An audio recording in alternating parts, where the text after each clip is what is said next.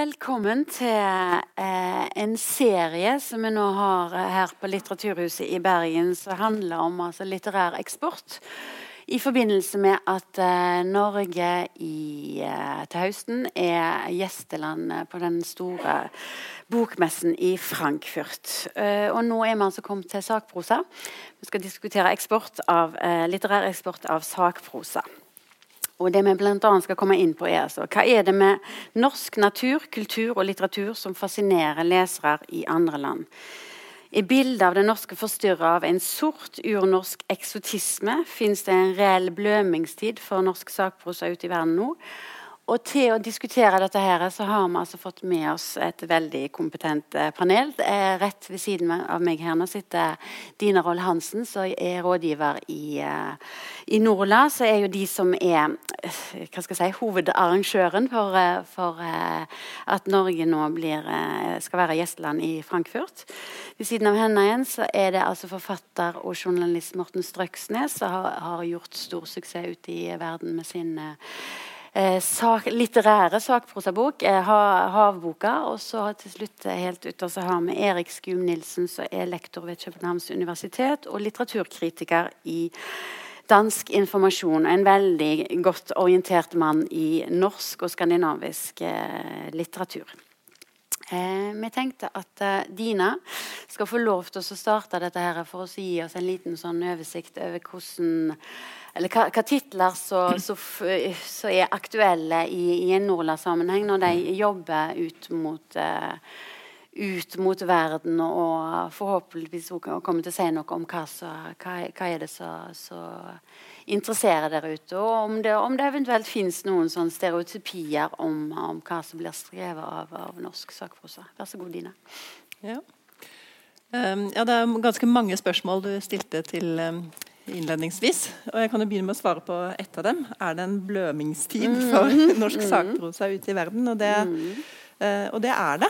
Altså det oversettes mye sakprosa. Det har jo vært en veldig sterk økning i oversettelse av norsk litteratur i det hele tatt.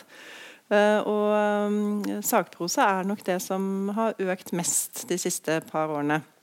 Det og barne- og ungdomslitteratur. men uh, Sakprosaen økte med 25% altså Vi driver og teller da eh, de søknadene vi får fra utenlandske forlag om støtte til bokutgivelser. Og det er et ganske godt mål på hvor mye som oversettes. Så i fjor ga vi støtte til noe sånt som 600 eh, bokprosjekter, og av dem så var vel 160 sakprosa. da. Eh, og det er stor spredning på forfatterskap og forfattere og titler. Selv om det selvfølgelig finnes en del gjengangere som oversettes til veldig mange språk. Um, og I dag så skal det dreie seg om uh, norsk eksotisme. Um, og jeg har tenkt litt på hva det kan være. Og um, det, vi, det bruker vi vel denne timen på å finne litt mer ut av. Men når det gjelder skjønnlitteratur, så er det kanskje lettere å peke på på um, de sånn åpenbare klisjeene, eller sånn litt klisjémessige forestillingene om Norge. Da. Um, så jeg har laget en bare liten serie uh, av uh, det typiske norske coveret når det gjelder skjønnlitterære bøker. og Det er da et ensomt hus i dystert landskap. Dem fins det veldig mange av. Uh, og svært ofte en rødmalt uh, rorbu ved vannet. Litt sånn uavhengig av hvor boka foregår ellers. Om det er 'Ut og stjele hester', som da foregår i en dyp norsk skog om tømmerhogging, så er det gjerne satt til Men det er ikke det norske coveret? Har du, ikke, har du bilde av det norske? Nei, det har jeg ikke. Jeg har bare det Fordi at, altså, helt tilfeldig, Jeg visste ikke det, for jeg så boka. Jeg er eier av det norske huset som er på coveret av den norske boka. Ja. Et ensomt hus i Vesterålen. Ja, ok, så er det et ensomt Det visste ikke, det visste ikke Ambjørnsen det, jeg var skuffa over at jeg har funnet nytt. Ja, da må jeg egentlig finne frem den. Um, og der er det et annet variant av samme. Enda en, enda en, enda en, enda en. Ja, så det fins da uendelige eh, mengder av disse her. Ja. Um, men når det da gjelder um, Og dette jo, henger også sammen med sånn Nordic noir. Uh, det er Mange av de titlene jeg har vist nå, har vært krim. Um, og Hvis man tar med seg denne, dette ensomme huset i det øde landskapet over i sakprosaen, um, fins de forestillingene der også. Og Da kan man jo kanskje tenke seg um, ensomhetens filosofi er muligens uh, en slags uh, samme type forestilling som det er tatt over i sakprosa. Lars Svendsen er veldig mye oversatt. Uh, alle hans bøker, eller svært mange av hans bøker er oversatt i veldig mange språk. Så han er en av de som oversettes mye.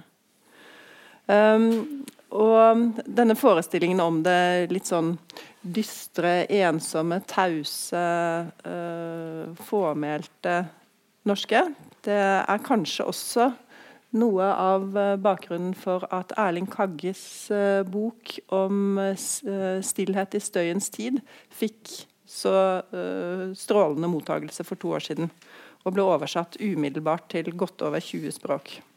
Så dette er noen av de coverne til de oversatte utgavene av Kagges bok. Um, men altså dette med urnorsk eksotisme det er litt vanskelig å si hva det skal være. Uh, det kan være at man um, kan lete etter det som eventyr. For folkeeventyr, Asbjørnsen og Moe, det er jo noe av det Jeg tror det kanskje er et forfatter, eller blant de forfatterskapene som er mest oversatt. Det oversattes eh, hvert år nye utgaver av folkeeventyrene. Og det regnes jo som sakprosa, selv om det eh, kan mm. diskuteres. Mm. Eh, det oversettes også en del bøker om vikinger. Det er jo um, noe som er spesielt norsk. Um, polarhelter er også en eksportvare fra Norge. Men uh, når man ser på det store bildet, så er det veldig mye forskjellig. Um, biografier har vært en sjanger som har vært veldig mye oversatt. Og da uh, gjerne om de store norske, om Henrik Ibsen, om Edvard Munch, om Knut Hamsun og Heyerdahl og Nansen og Amundsen. Men eh, det er jo et begrenset antall nordmenn som er uh, kjent ute, kjent nok til å oversette en biografi. Kulturhistorier har også vært en sjanger som har vært eh, Eller en type bøker som har vært mye oversatt. Eh, hjertets kulturhistorie til eh, den røde den har vært en stor internasjonal suksess. Jeg har også tatt med sex og religion, som også er mye, mye oversatt. Og det fins mange bøker som på forskjellige måter gir et sånt kort eh, Eller sånn eh, et innblikk, eh, et nytt blikk på en historisk gjennomgang da, av denne typen. I England i år så hadde jeg med meg en, eller i, London, på bokmessen der, så hadde jeg med meg en bok om tegnsettingens kulturhistorie. Tegn til sivilisasjon. Som fikk mye var mange som ville se på den. Uh, ellers er jo selvfølgelig hobbybøker og strikkebøker er en sakprosasjanger som er mye oversatt. Norla har lite med det å gjøre, for vi, uh, vi støtter ikke den type bøker. Men uh, dette er bøker som selger veldig godt ute. viktigere for oss har journalistiske reportasjebøker vært. Åsne Seierstad eh, og bokhandleren i Kabul eh, er jo eh, av de aller mest oversatte bøkene vi, vi har. Og også hennes senere bøker. Og det er mange forfattere som har kommet etter henne også. Erika Fatland har kanskje vært en av de som er mest oversatt innenfor den kategorien i det siste.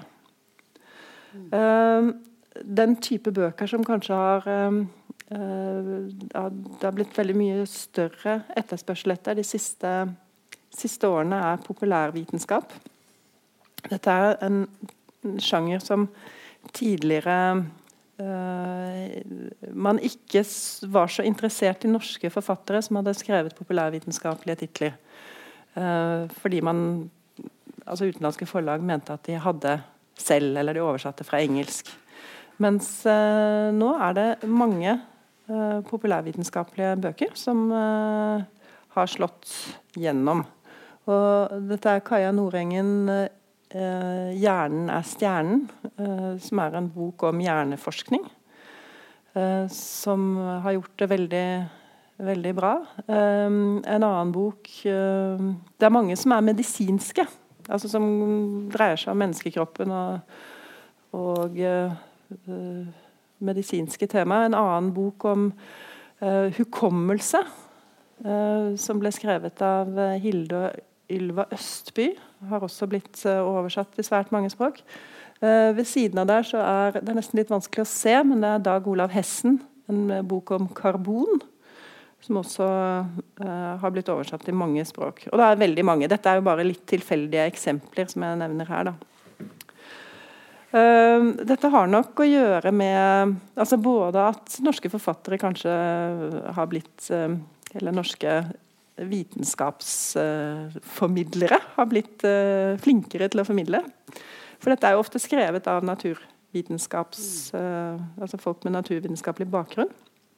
Delvis så er det nok også at, man, at norsk litteratur og norsk sakprosa har fått en sterkere stilling.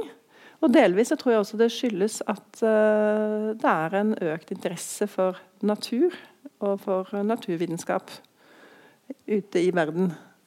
Og det er en annen, altså en annen type bøker, sånn nature writing, som er en mer sånn essayistisk tilnærming til uh, naturvitenskap, som uh, gjerne da kombinert kultur og natur, altså kulturvitenskap og naturvitenskap i en sånn esseistisk form, ofte med en sånn personlig touch. Det har blitt en stor, stor sjanger F.eks. Den boken der. Det er 'Sopp og sorg', som kom ut for to eller tre år siden. Som da handler om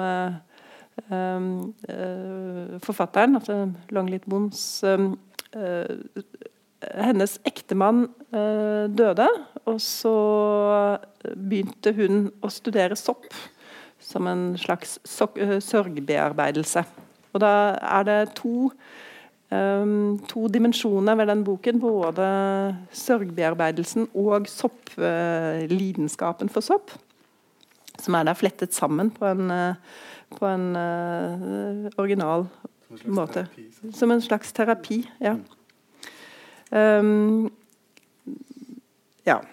Og så i Innenfor denne kategorien kan man jo kanskje også nevne havboka. At det er uh, en bok som eh, kombinerer både naturvitenskap, kulturkunnskap eh, og, og narrativ sakprosa på en måte som altså Den inneholder veldig mye av det som fenger. Og det gjorde vel også at den Eller det er også mye av grunnen til at den slo så veldig an, da. Men det kan du jo snakke mer om selv etterpå.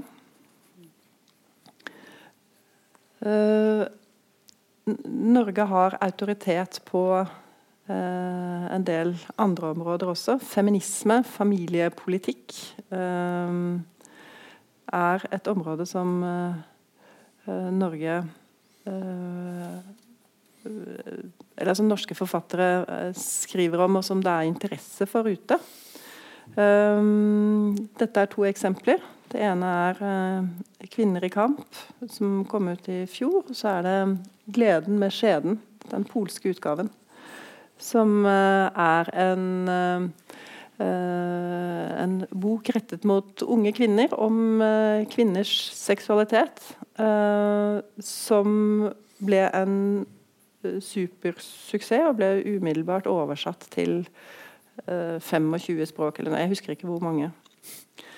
Og den er skrevet på en sånn veldig lett tilgjengelig muntlig måte, og det er vel også uh, uhøytidelig måte. Og det er vel også noe av uh, det som fenger med den.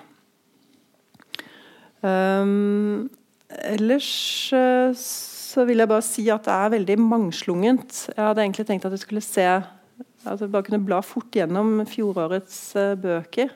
Titt, altså coveret. Det er ikke så veldig Det er litt forskjellig uh, hva som oversettes til forskjellige land og forskjellige språk. Og Det kan virke som om man i Øst-Europa har et litt mer sånn Russland, som jeg kjenner ganske godt, at man har et litt annet norgesbilde, uh, som er mer tradisjonelt, mer historisk. Man er mer opptatt av uh, bunader og vikinger og troll og, uh, og mytologi. Mens man i Vest-Europa faktisk er mer opptatt av natur og teknologi, modernitet, men da også Nordic noir. da. I uh, Japan for eksempel, er man veldig opptatt av uh, familiepolitikk. Og hvordan uh, man i Norge organiserer familielivet. Kina er man opptatt av barnebøker, og det er, det er store forskjeller. Men den store trenden det, nå er nok en skandinavisk non-fiction, natur, som jeg allerede har nevnt. da, med ja. Jeg bør kanskje gå Ja. Men Norla er um, Altså, vi støtter jo uh, de bøkene vi får uh, søknad om. Og det er etterspørselsstyrt hvordan vi jobber. Så det er ikke vi som uh, dikterer trendene, eller vi som bestemmer. Er, vi svarer på det vi får inn av forespørsler og interesse. Så vi deltar på bokmesser, og vi snakker med veldig mange uh, redaktører og oversettere.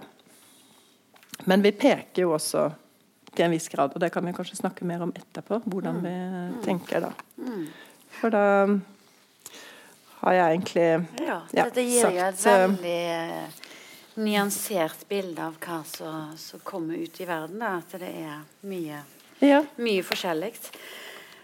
Men da lurer jeg litt på hva, hvordan ser det ut fra et, eh, et, dansk perspektiv? Eh, Erik Skium Nilsen, hvordan ser den norske litteraturen ut fra ditt ståsted? Og du har jo uh, god oversikt over den islandske og vel også den svenske, men kanskje særlig den islandske. Hvordan er det eh, altså bildet, bildet danskene har av hva som blir skrevet i Norge, og kanskje òg ja, først og fremst det. Du kan begynne der. og så...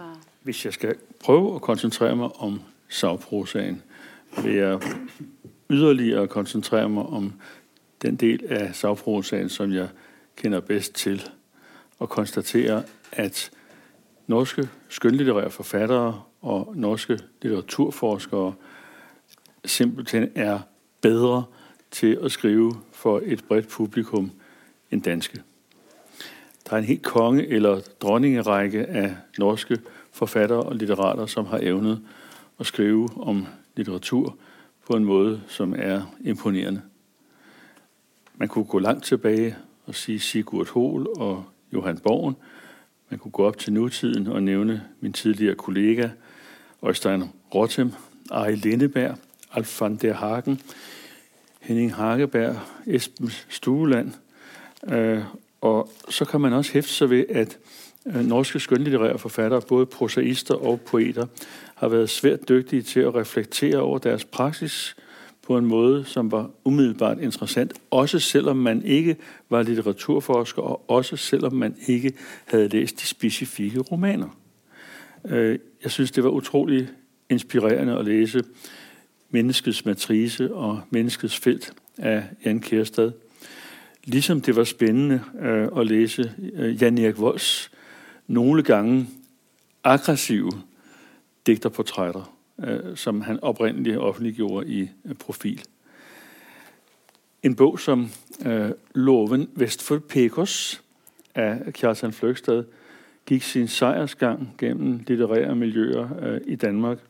Og her nå ser jeg frem til, at vi også kommer til at lese på dansk Vigdis Hjorts essays i den lille øh, om at tale og at tige. Mm.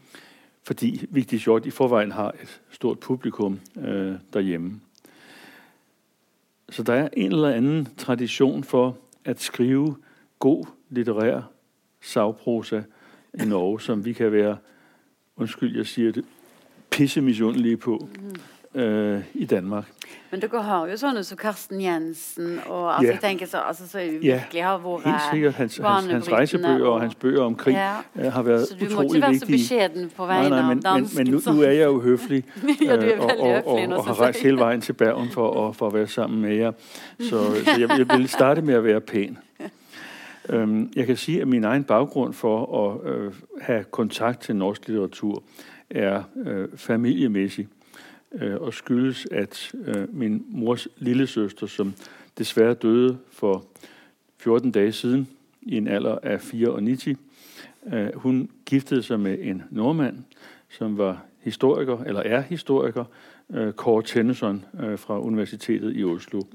Øh, og vi har haft kontakt alle årene, øh, hvilket har givet øh, også et mere end et naboskab, øh, også et venskab til norsk øh, litteratur.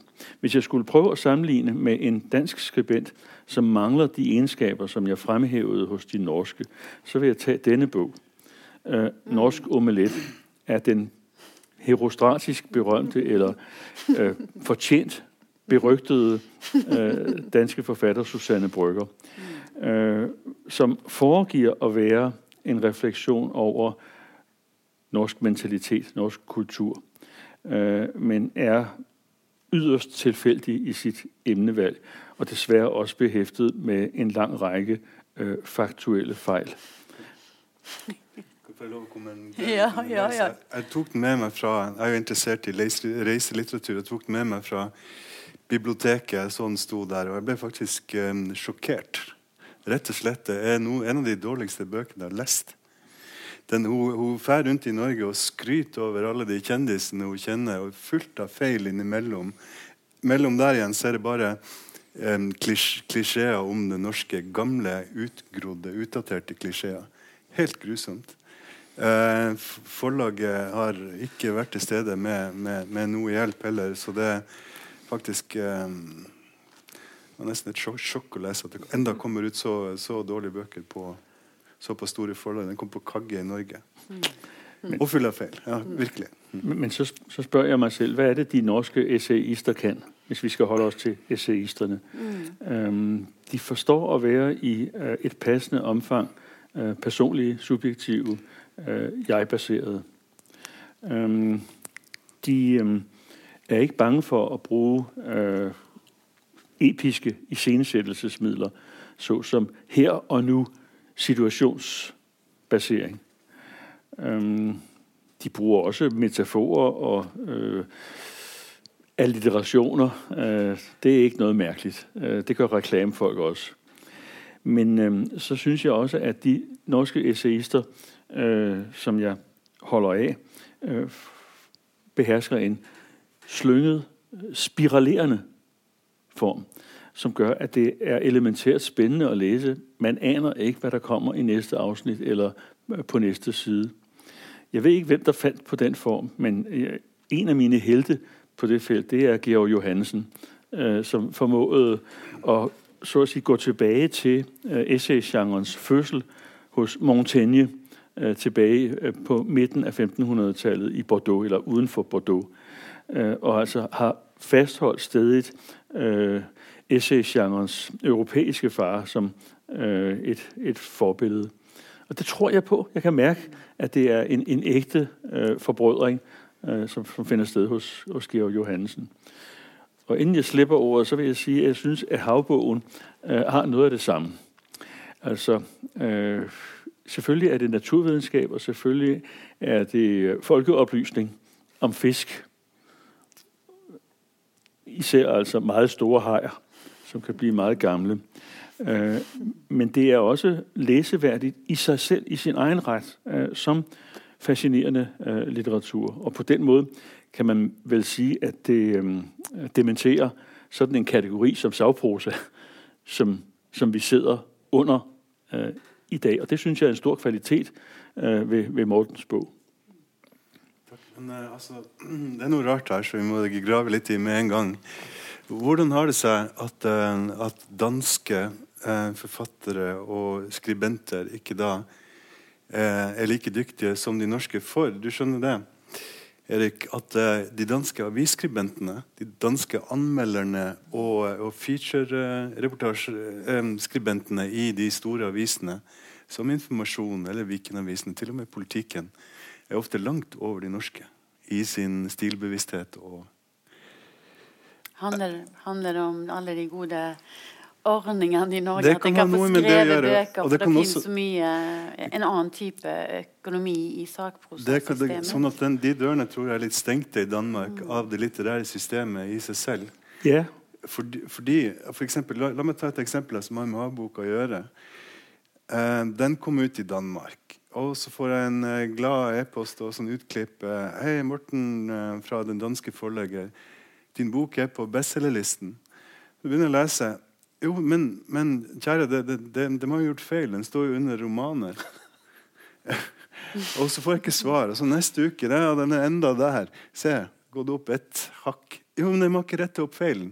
Og Da måtte, måtte, måtte jeg be om et svar, og da har det seg sånn at den var på en måte registrert som en, den var registrert som en roman. For sånn som jeg fikk det forklart, så fantes ikke min sjanger eh, som sakprosa i Danmark. Dermed hadde de ikke noe valg. Og, men det bør du ta som en veldig kompliment. eh, nei. Jo, at, at, at din Jeg tar, det, jeg, tar det, jeg tar det med tristhet. på jeg, tar tager det som, jeg tager det som en kritikk av det danske øh, snæversyn øh, og, og, og, en- og en forstenet bevidsthed, men jeg tager det som en kompliment til din øh, bog, at den er i stand til å dementere det danske genresystem. Jo, men sant, Her har man drevet i flere år og Ja. dratt ut i all slags vær i en bitte liten båt for å prøve å fange en diger hai, og så blir det registrert som diktning i Danmark. Men Morten, hva, hva, Altså, du har nå Altså, boka di har reist, jeg regner med at du òg har eh, vært ute i verden og, i, sammen med, med boka. Hva, hva, hva opplever du eh, som, som det som fascinerer med, med boka di? Handler det òg om noe, eh, noen bilder av det norske? Eller kanskje ikke de tenker helt at det er norsk, men iallfall skandinavisk. Det er jo ikke alltid like lett å plassere Norge i en sånn større sammenheng. Men hva, hva tenker du er Ja, Det er jo litt vanskelig, fascinasjonen, det er litt vanskelig for meg å, å liksom gi noe klare svar på hvorfor andre syns en boka er interessant eller god. Ja, men du har sikkert snakka med noen som kanskje har klart å formulere Ja. et eller annet? Nei, altså Jeg tror um, Dette med sant, Du sier eks, eksotisme. Margen, det Jeg vil si for eksempel um, Den boka til, til Susanne Brøgger, den er ren eksotisme. Den, ser, den, den, den vil liksom se på de fremmede, disse de nordmennene, som, sånn som man gjorde i Danmark i forrige, eller sånn på 1800-tallet, kanskje, som litt rare og, og mystiske, bondske eller Edleville. Edleville. elleville eh, Edle, edle, edle, edle ville. Edle ville, edle ville nettopp. Edleville. ja. edle ville. Um, Fjellaper. Ikke sant? Men, mens um, um, jeg, vil, jeg vil ikke si at min, min bok er det. Jeg kjenner til den sjangeren. ikke sant? Eh, å eksotisere Nord-Norge. Det har skjedd internt i dette landet i alle år at Oslo, Sør-Norge, har eks eksotisert nord. Bergen eh, kanskje ikke så mye, for vi har så sterke eh, historiske røtter mellom Bergen og nordover der. Men det er litt det samme relasjonen, fullstendig asymmetrisk, der Bergen, bergenserne tok pengene, og vi eh, ble lurt. og alt sånt. Men, men um, um, sant, det er en side av saken. En annen side av saken er det ligger eh, bare i, i Bare du nevner ordet eksotisering, så høres det ut som et lite overgrep. Men det, det, og det er innenfor lit- litteraturvitenskapen så er det på en måte en del av postkolonialismen. det begrepet At man ikke ser den andre for hva han er, men med sitt eget blikk uten å være klar over det. Men noen ganger så er jo den andre ganske forskjellig. altså eh, Skrova er helt forskjellig fra København. Det, det, folk har en helt annen mentalitet. Og i og for seg fra de fleste andre plasser i Norge også. Det er en helt egen gammel kultur som preger folk der. Um, skulle man da prøve å late som at disse var helt, folkene var helt identiske med københavnere? Det ville vært latterlig. Det ville vært en feil. Men du kunne uh, nuansere begrepsbruken øh, og tale om eksotisering, øh, som er blevet oppdaget og analyseret og kritiseret i den postkoloniale æra.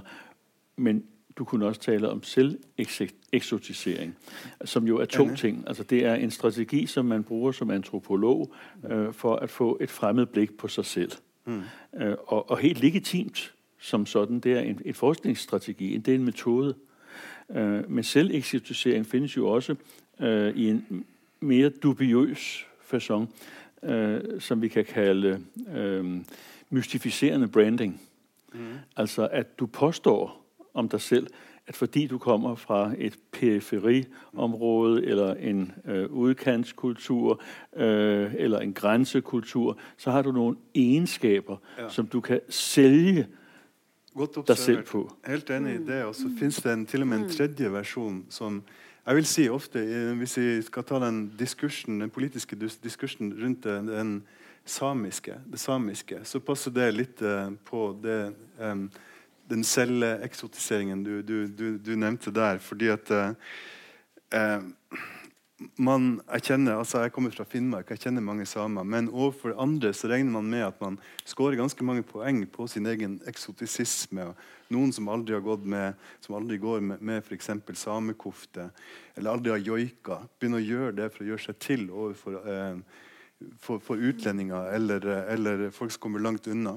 Men så har det også, hvis vi skal snakke om nord, en, en tredje form for eksotisering. Og det er en internalisering av, av eh, eh, la oss si det kulturproduserende sør sine myter om en selv. Sånn at det blir en slags selvoppfyllelse i det. For de fleste, som, Mesteparten av det som er publisert av skrift om nord, er produsert i sør. Det er den fremmedes, fremmedes blikk på nordlendingen. Og så har vi da blitt en nasjon. og det finnes, eh, sant? Vi har samme skriftspråk og samme kultur og en vellykka nasjonsbygging der. Så kildene til egen på en måte, identitet og historie er skrevet av andre enn en selv. nesten. Og dermed så, så internaliserer man de forventningene. sant? Um, vi nordpå sant? Det er nord for mor moralsirkelen, og det er liksom Man tenker ikke på morgendagen og forskjellige typer masse bannskap og et sånn enormt frodig språk som mange steder det fins ikke. Men man tror man har det, for man har lest det så mange ganger. Nu, nu var Ma- Margun øh, så vennlig eller høflig eller informativ øh, som innledning å si at jeg hadde en lille smule med islandsk litteratur å gjøre. Og det er riktig nok. Øh, jeg var utsendt dansk lektor der en gang i baroktiden. Øh, og Og du har oversatt en ja, og, og, og har oversatt øh, næsten, næsten 100 islandske bøger. Øhm, men der er to forfattere som jeg synes er interessante, nemlig en færøysk og en islandsk i denne sammenheng. Øh, den færøyske det er William Heinesen, som selvfølgelig skrev om Færøerne og, og Torshavn, men gjorde det øh, på det sprog han var bedst til at fortelle og digte på, nemlig dansk. Øh, han holdt seg stort sett lykkelig fri for selveksotisering, eller for å internalisere øh, de klisjébilder av færinger, som var produsert i øh, metropolkulturen. Øh, ved siden av sitt skjønnlitterære forfatterskab havde han en gigantisk korrespondence, øh, som bestod i essaybreve.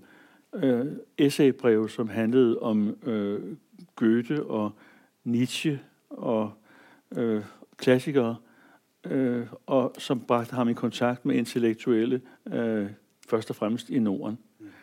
Øhm, Haldor Laksnes kunne sagtens, ligesom en lang, lang række islandske forfattere, have brandet sig selv ved at gøre sig til edel viking, øh, bærer af en nordisk oprindelighed, øh, udstyret med et kernesundt, ægte sprog, øh, repræsentant for helteidealer og store følelser. Der har været enormt meget af den slags i islandsk litteratur og islandsk litteratureksport. Laksnes gjorde det modsatte. Han kom en gang til München for å møte sin første tyske forelægger, undskyld, oversætter, øh, og tog øh, en bus fra Münchens centrum ut til øh, denne officer. Øh, og Langsnes han var selvfølgelig klædt på, som man skal, hvis man vil være en international forfatter, nemlig i tweetjakke øh, og tweet nikkedes, og så med kasket på, ligeledes i, i skotsk stof. Og så åbner øh, oversætteren døren og, og siger, aber Sie sind ja gar kein Eskimo. Jamen, de er ingen Eskimo. Altså, han, han havde klichébilledet hejst ned som et filter imellem sig selv og forfatteren, som, som han oversatte. Jeg tror, det var en meget vigtig forklaring på, at det blev Haldor Laksnes i 55, som fik Nobelprisen, og ikke Gunnar Gunnarsson, som var en av de verste til å brande seg selv som øh, viking og repræsentant for store følelser og nordisk oprindelighed og alt det der. Mm. Øh, jeg vil tillade meg øh, å være en lille smule uhøflig og sige, at der er også moderne norske forfattere mm. innenfor for skønlitteraturen, som har haft en lille svag tendens til selveksotisering og til å brande seg selv øh, som ægte repræsentanter for en europeisk udkant. Ingen nævnt, ingen glemt. Jo, det, det, kan du gjøre. Det, det med offentlige personer. Hvem tenker du på? Jeg er nysgjerrig på det.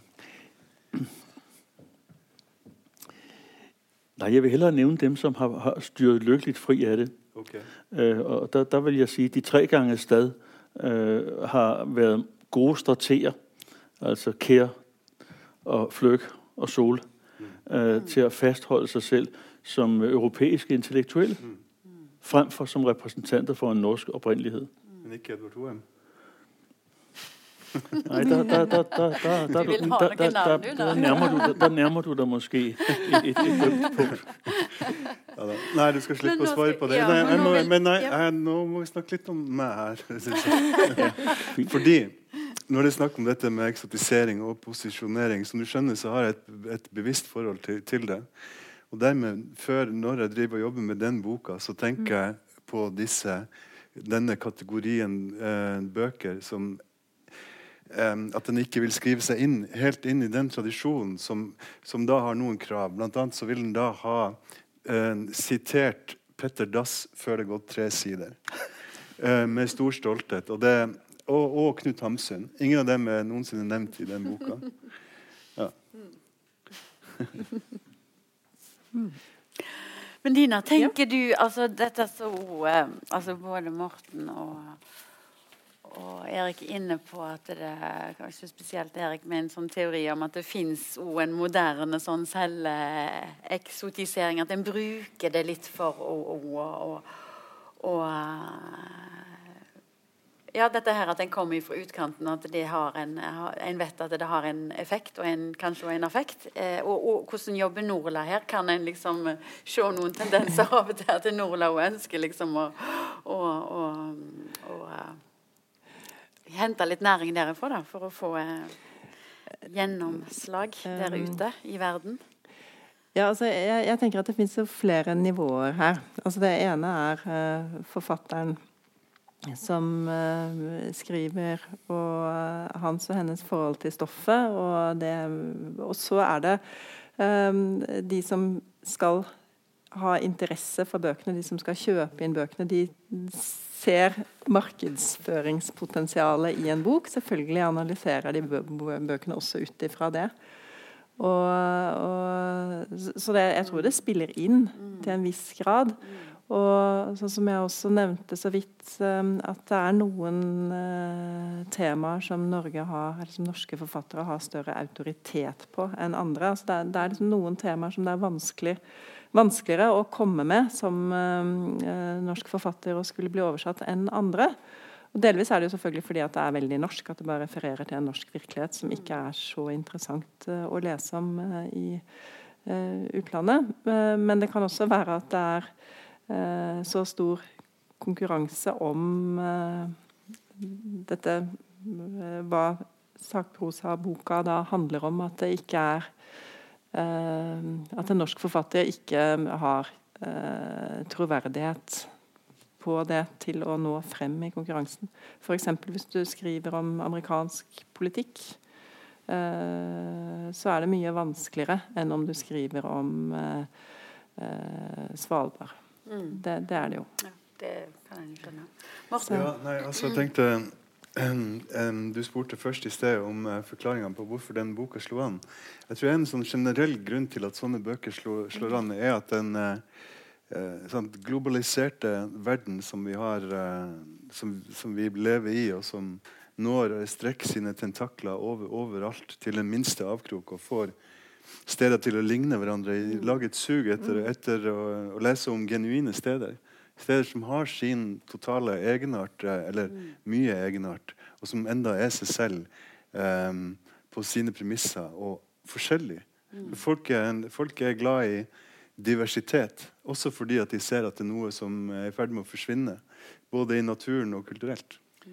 Men, men her glider to uh, generelle tendenser sammen. Øh, man kan tale om, at vi er blevet bedre til at koncentrere os om rum frem for om tid, og dermed udvikling. Og vi er blevet bedre til at fokusere på stedet som noget specifikt og unikt, mm. i modsætning til rummet som mere abstrakt. Det er den ene udvikling, og den hører vores epoke til. Men den anden udvikling er, at øh, kunst ikke længere skal definere sig ved sandhed eller ved skønhed, men ved autenticitet. Mm. Og det, det, er, det er de to strømninger, mm. som jeg tror mødes i for eksempel sådan en bok som, øh, som, som Havbogen. Altså det, det, det autentiske og det lokale. Mm. Det må gerne være sådan. Mm. Jeg tænker også på en anden ting, øh, men det kan godt være, at det er for øh, fantasifuldt. Øh, men mange af de bøger, som Dina nævner, er kommet inden for de sidste 10-15 år. Mm. Øh, kunne man forestille sig, at øh, der er en ommøblering på færre i øh, den norske hjerne, eller den norske sjæl, øh, i retning af at protestere imod et billede, som nordmænd til dels har tegnet af sig selv. Mm. Øhm, et billede, som omfattede øhm, altså det at være spræk, øhm, sundhed, mm. det at leve længe, mm. øhm, det at være rig, svinagtigt rig, øhm, det ikke å ha korrupsjon Det å være miljø, det å leve i, i veldig nær kontakt med naturen, Ja, er med på den listen. men kunne man tenke seg at norske forfattere og intellektuelle er begynt å oppdage, oppdage, at der mangler et, et korrektiv til den modellen? Det er veldig rart at du sier akkurat det, fordi at eh, det siste jeg har skrevet, og som jeg nå har sånn senest i dag har fått eh, til og med solgt til Colombia, er en tekst som jeg skrev på engelsk, som egentlig skulle utgitt en italiensk bok og et italiensk magasin, men som nå blir spredd rundt. Tittelen på den er, eh, det, den, er ironisk. Er 'The Complete Tourist Guide to Norway'. Dypt sarkastisk gjennom hele veien for å korrigere nettopp de bildene her. Um, så ja, det kan hende at det finnes et sånt behov. Ja, altså der finnes vist nok et fenomen som man kaller Arctic Imagination. Øh, Det er noe med, at man kan komme til Nord-Norge og se isbreer smelte og, dør ud, og, og, dyr uddø øh, mot betaling. altså det, det kan du jo si. Du kan jo ta en cruise, cruise, et cruiseskip opp til Svalbard, så får du oppleve det. Ja, Cruiseskip som på, liksom på den turen har uh, forurensa like mye som 20 000 biler i ett år eller noe. Ja, så forestiller jeg meg at, de, at norske forfattere godt kunne tenke seg at Norge ble kjent for noe annet. Men ja, ikke sant. Men, ja. Nei, men jeg, jeg tror ikke det er så bevisst heller. Jeg tror det bare er en naturlig utvikling. At forfattere skriver om veldig mye flere temaer nå enn før. Uansett, så sant, hvis du ser på um, bare sånn, Jeg tenkte på én ting til med dette med utkant. G- Rolf Jacobsen skrev eh, i sitt berømte dikt 'Det er så langt det Norge, det, dette landet, det meste er nord'. Men hvis du, hvis du er nordpå, så, så er det meste sør, sør faktisk. Og eh, sånn som utviklinga har vært nå de siste 10-20 årene nordpå, så har du ikke lenger følelsen at du er i en periferi. Du er ikke et eksotisk sted. Du er på et langt mer eh, en, skal vi si, internasjonalt og, og sted. sånn, energipolitisk, sånn, klimatisk, geop geopolitisk. åpne grenser til Russland, grenser til Finland. I gatene snakker, liksom levde store minoritetsbefolkninger fra Russland, Finland, samene osv. Oslo føles uh, som en periferi for de faktisk. Det er ikke bare noe de, de sier. De har fått nye orienteringspunkter i verden. Mm.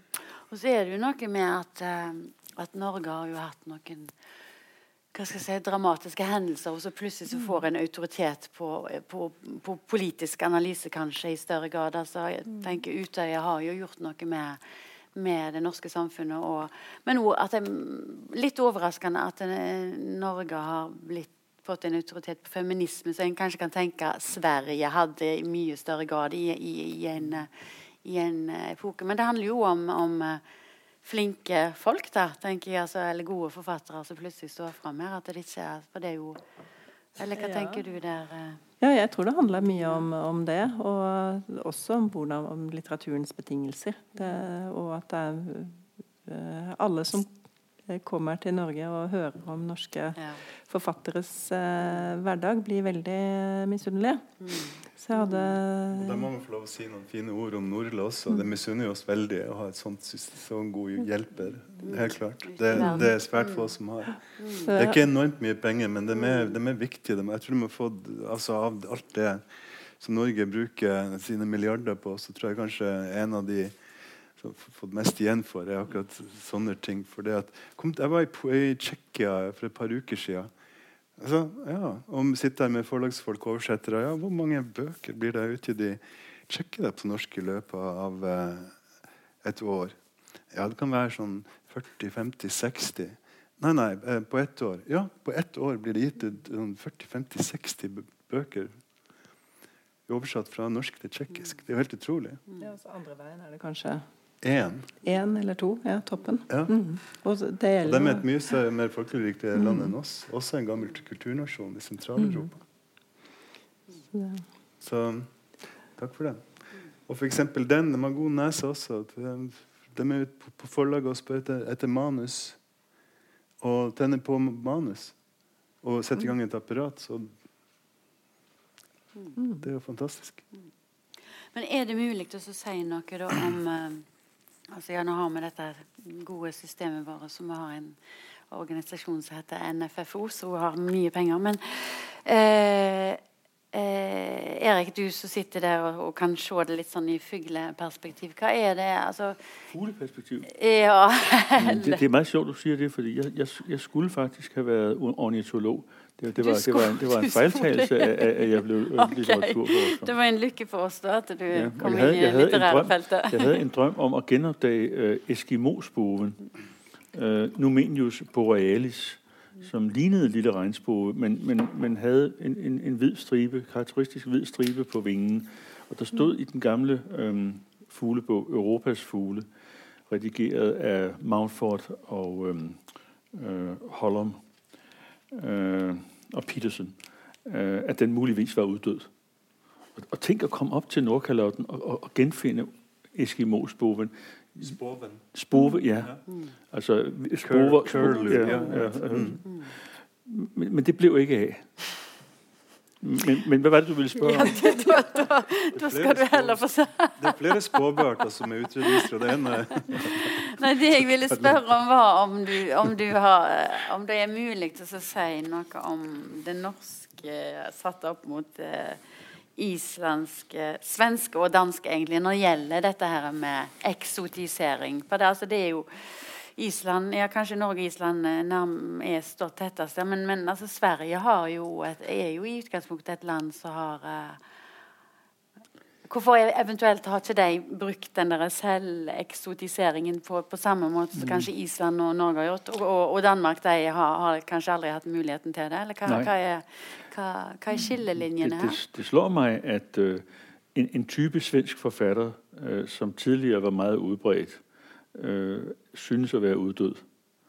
Øh, nemlig regionalforfatteren. Øh, mm. Altså type øh, Sara Lidman, mm. øh, mm. Tony Lindgren.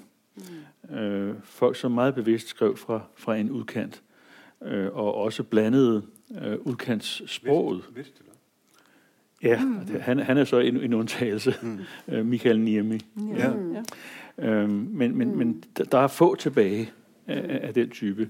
Øh, Finland har vel litt sånn fremdeles at det ja, der s- s- svensk litteratur er, er blevet mere me- metropolisk, øh, og også, også mere, hvad skal man kalde det, ja, privatbiografisk generelt. Mm. Øh, der er der øh, nogle modstandslommer tilbage øh, på Island, i Norge og, og, og, Færøerne. Men, men de, det er kun nogle få forfattere, som direkte definerer sig ved deres eksotisme. Øh, man kunne måske bruge den model, at efterhånden som øhm, kulturen og udkantskulturen bliver trængt helt ned til kysten, helt ned til strandstenene, så viser periferien sig at slå folk tilbage. Øh, sådan som Morten også beskriver det, at, øhm, mm. at Nord-Norge ikke er udkant i samme forstand, som, som mm. det var før. Mm. Men jeg opfatter det som en, som en øh, følge af internationalisering og kommunikationseffektivisering og globalisering. Det, det, det, er ikke, det er der ikke grund til at romantisere, men en positiv følge af, det er en, en form for genkendelighed, som går på tværs af regioner. regioner.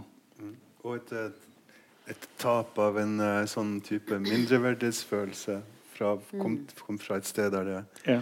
ikke fantes noe borgerskap og lærdomsinstitusjoner og, og høykultur, eller bare Altså den, den mindreverdighetsfølelsen den er liksom litt, litt utradert? På Ja. et eller annet vis, eller iallfall Mm. litt mindre? Så har det vært sånn, eh, sånn type dialektikk der det, um, sant, Også i Norge, der det å være F.eks. nordfra. Før så var ikke den særlig. Nå eh, det er mulig at, at jeg er bare innbilsk, men, men, men i dag så, så, så tror jeg nesten det er mange som syns det er eh, litt spennende og fint, og, og i utgangspunktet ikke negativt. fordi at eh, ja, det er, noe, det er ikke noe særlig å se ned på, liksom. Det, det er bare en veldig rik region på, på ressurser og mennesker. Med mye Hæ? Eksotisk. Det kommer an på eh, det, hvor det er veldig komplisert. Jeg synes det, Vi kunne hatt et eget se, seminar om det der med orientalisme og eksotisme og eksotisk. Hva det egentlig betyr. For det, det skifter hele tida mening eh, ut fra hvordan det sies, og hvem som sier det, og i hvilken kontekst. Ja, jeg tror rett og slett vi kom til et punktum, og, og håper at det, dette eksklusive publikummet som kom til i dag, har fått litt svar på hva, og og, øh, på hva eventuelt som fins av, av uh, interesse for norsk litteratur der ute, og, og en litt sånn problematisering av det eksotifiseringsbegrepet. Tusen takk til et veldig fint panel her. Takk for alt det lurer dere så, og tusen takk til dere som kom.